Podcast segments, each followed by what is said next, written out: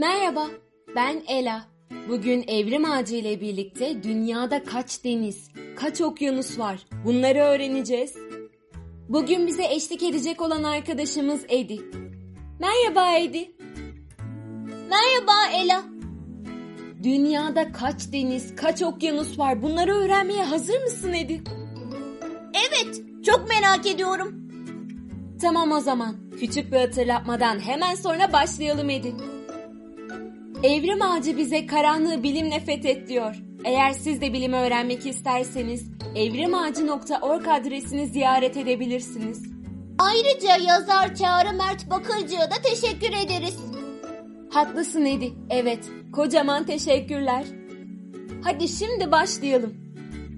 Gezegenimizin %70'i sularla kaplıdır. Bunu ilkokulda öğreniriz. Peki ya bu su kütleleri hakkında ne kadar şey biliyoruz? Denizleri tanımlayabilmek için bir adım geri atıp öncelikle okyanusları tanımlamamız gerekmekte. Okyanus çok geniş bir alanı kaplayan su birikintisi olarak tanımlanmaktadır. Genellikle denizlerden çok daha büyük olan bu su birikintileri için kullanılmaktadır. Okyanuslar büyük kara parçalarını birbirinden ayıran su birikintileridir.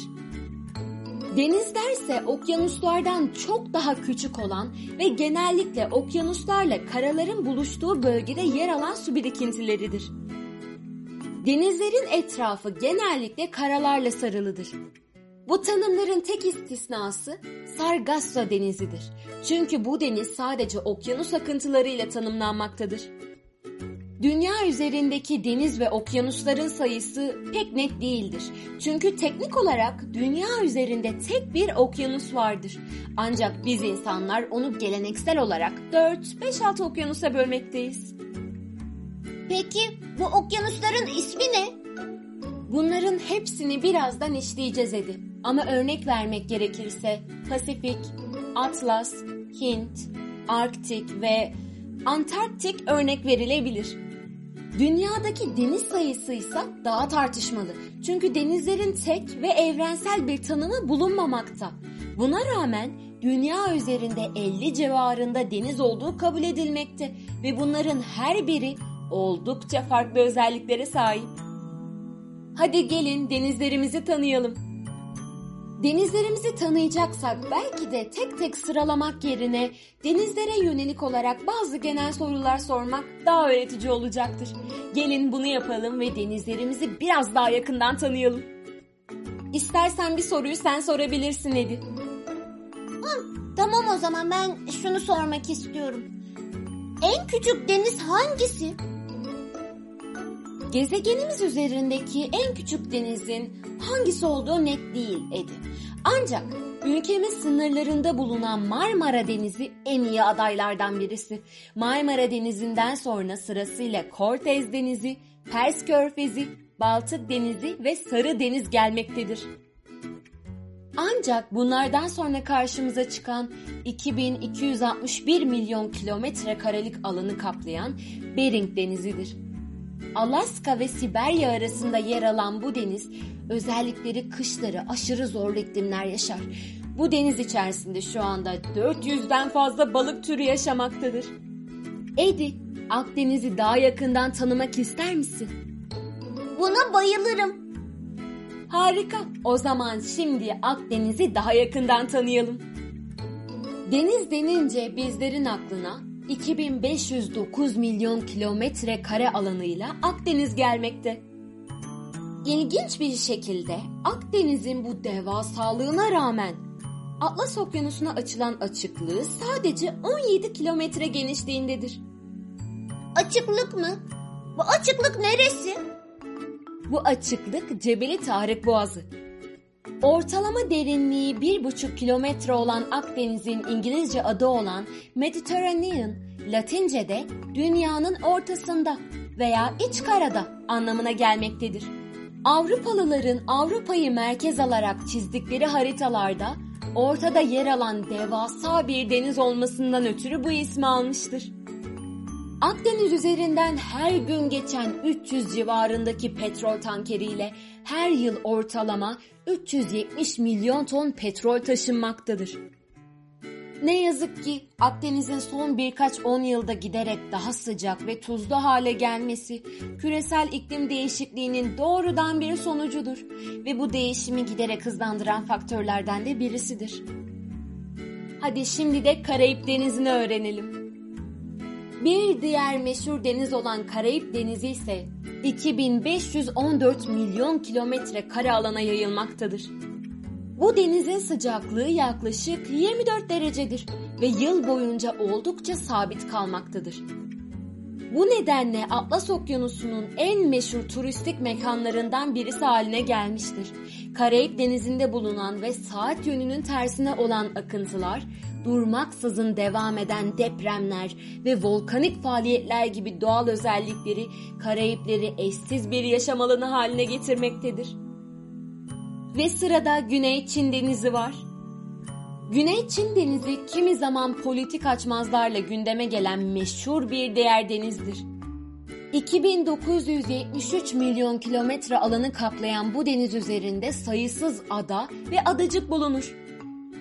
Bu adaların büyük çoğunluğunda insanlar yaşamamaktadır ve halen bu adaların kime ait olduğu konusunda anlaşmazlıklar sürmektedir.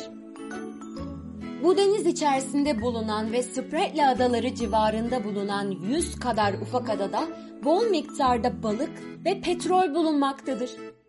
Şu anda bu adalar üzerinde Çin, Tayvan, Vietnam, Malezya ve Filipinler hak iddia etmektedir.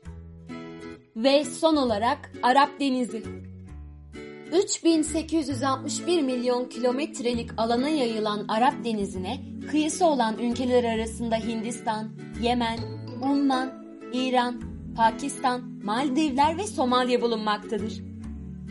Asırlar boyunca Hindistan ve Avrupa ülkeleri arasındaki ticaretin kalbinde yer almış olan bu deniz, aynı zamanda Arap Geceleri isimli folklorik hikayelere de ilham kaynağı olmuştur. Ve şimdi sıra okyanuslarda. Okyanusları tanımaya hazır mısın Edi? Evet hazırım hadi başlayalım. Harika. O zaman bu noktadan sonra denizlerden çıkarak okyanuslara geçiş yapalım. İlk sırada kuzey yani Arktik Okyanusu var. Karşımıza çıkan en küçük okyanus Arktik Okyanusu'dur. 13.2 milyon kilometre kare alana yayılan bu okyanus, Avrasya ve Kuzey Amerika tarafından sarılmaktadır. Kabaca ortasındaysa Kuzey Kutbu yer alıyor. Arktik Okyanusu'nda yaşayan sayısız canlı arasında soyu tükenme tehdidi altında olan manateler, deniz aslanları, foklar, kaplumbağalar ve balinalarda bulunmaktadır. Her ne kadar bu okyanusun büyük bir kısmı buzullarla kaplı olsa da küresel iklim değişimine bağlı olarak bu buzullar dikkate değer biçimde azalmıştır. Tarihteki en az miktardaki buzul 16 Eylül 2007'de ölçülmüştür. Ah buna çok üzüldüm. Dünyamıza çok daha iyi bakmalıyız. Çok haklısın Edi evet. Umalım ki daha çok bilinçlenelim ve dünyamızı koruyalım. Bence daha çok ummaktan çok bunun için çabalamak lazım. Bunda da çok haklısın Edi evet öyle. Peki neler yaparak okyanuslarımızı koruyabiliriz? Eğer istersen bunu da öğreniriz ama bu başka bir podcast'in konusu. Bu konuyu iyice öğrenmek için seninle tekrardan buluşalım olur mu? Olur. O zaman hadi devam edelim. O zaman güney yani Antarktika okyanusuyla devam edelim Edi. 52.646 milyon kilometre kareye yayılan güney veya Antarktika okyanusuysa Antarktika kıtası etrafını sarmaktadır ve batıdan doğuya doğru akan akıntılara sahiptir. Tıpkı Arktik Okyanusu gibi birçok türe ev sahipliği yapan bu okyanus, Albertos gibi soyu tükenme tehdidi altında olan dev kuşları da barındırmakta. Bu kuşların antik halk hikayelerinde ölmüş denizcilerin ruhları olduğuna inanılmaktadır. O gerçekten mi? O zaman bir gün bu Güney Denizi'ne gidip bu kuşlardan bir tanesine rastlamak istiyorum. Belki bana anlatacak korsan hikayeleri vardır. Çok tatlısın Edi. Bence de bir gün gitmelisin. Belki gerçekten birine rastlarsın ve sana hikayeler anlatır.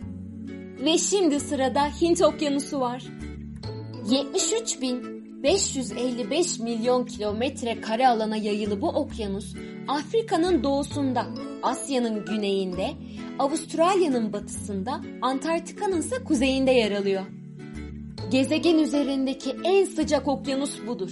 Oldukça tuzlu olan Hint Okyanusu üzerinde bulunan Madagaskar adası dünyanın en büyük dördüncü adasıdır.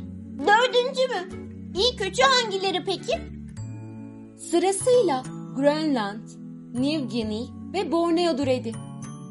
Hint Okyanusu'ndan devam edelim hadi. Hint Okyanusu'nun sakin suları ticaretin yılın daha erken dönemlerinde açılabilmesini mümkün kılmakta. Bu sakinliğe rağmen Hint Okyanusu tarihin gördüğü en yıkıcı tsunamilerden birine ev sahipliği yapmıştır. 26 Aralık 2004'te meydana gelen bir okyanus altı depremi Hint Okyanusu kıyılarını döven tsunamiler yaratmıştır. Ve 226 binden fazla insanı katletmiş, 1 milyondan fazla insanı ise evsiz bırakmıştır. Aa öyle mi? Bunu bilmiyordum. Çok geçmiş olsun. Üzerinden yıllar geçti Edi. İnanalım ki insanlar çok daha iyi durumda olsunlar.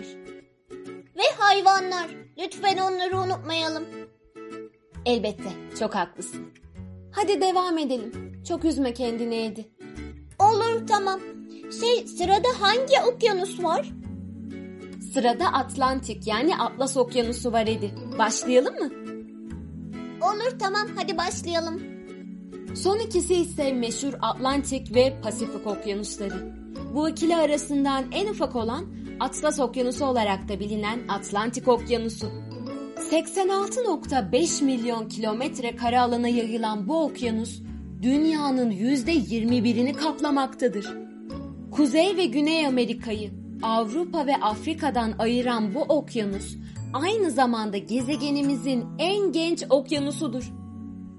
Yani jeolojik olarak en son günümüzden 200-150 milyon yıl önce Jura devrinde oluşmuştur. Şey Titanic Atlantik okyanusunda batmamış mıydı? Evet Edi, Titanic Atlas okyanusunda battı. Titanic'in çok ilgi çekici bir hikayesi var bence. Evet, gerçekten öyle. İstersen şimdi Titanic'i bir kenara koyalım, Pasifik okyanusuyla devam edelim. Bana uyar olur. Biliyor musun? Dünya üzerindeki en büyük okyanus Pasifik okyanusu. 166.2 milyon kilometre kare alana yayılan bu okyanus, Güney Okyanusu, Asya ve Avustralya arasında yer alıyor.